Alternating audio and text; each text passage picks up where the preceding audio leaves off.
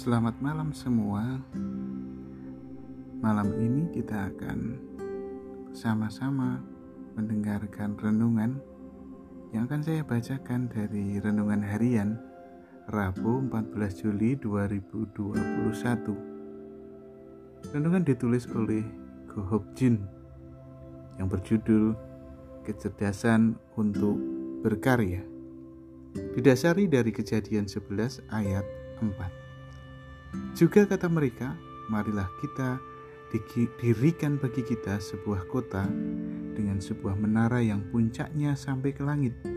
Dan marilah kita cari nama, supaya kita jangan terserak ke seluruh bumi.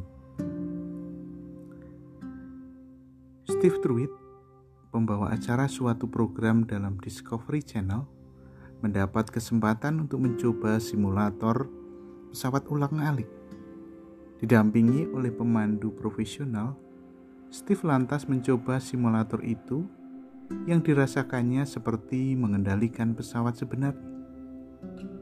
Melihat kecanggihan alat itu, saya merasa takjub dengan kecerdasan orang-orang yang membuat semua peralatan modern itu, sehingga dapat digunakan untuk melatih para pilot pesawat ulang-alik NASA agar mereka tetap aman saat bertugas.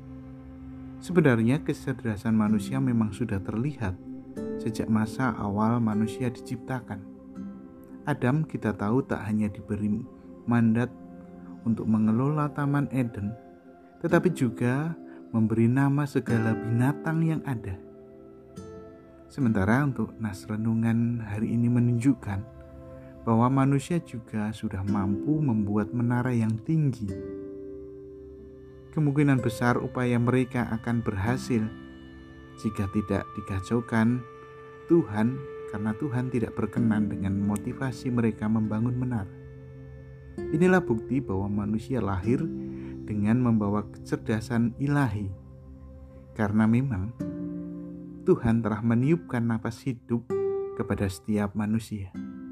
Sebagai orang percaya, kita pun dapat mengembangkan kecerdasan kita semaksimal mungkin. Yakinlah bahwa dengan pertolongan Tuhan, kita pun dapat memaksimalkan dan menghasilkan karya yang bermanfaat. Hanya kita perlu memastikan agar hasil dari pengembangan kecerdasan itu tidak bertentangan dengan kehendak Tuhan dan tidak merugikan orang lain. Dalam kecerdasan yang Tuhan berikan, ada kewajiban untuk berkarya. Terima kasih, Tuhan memberkati.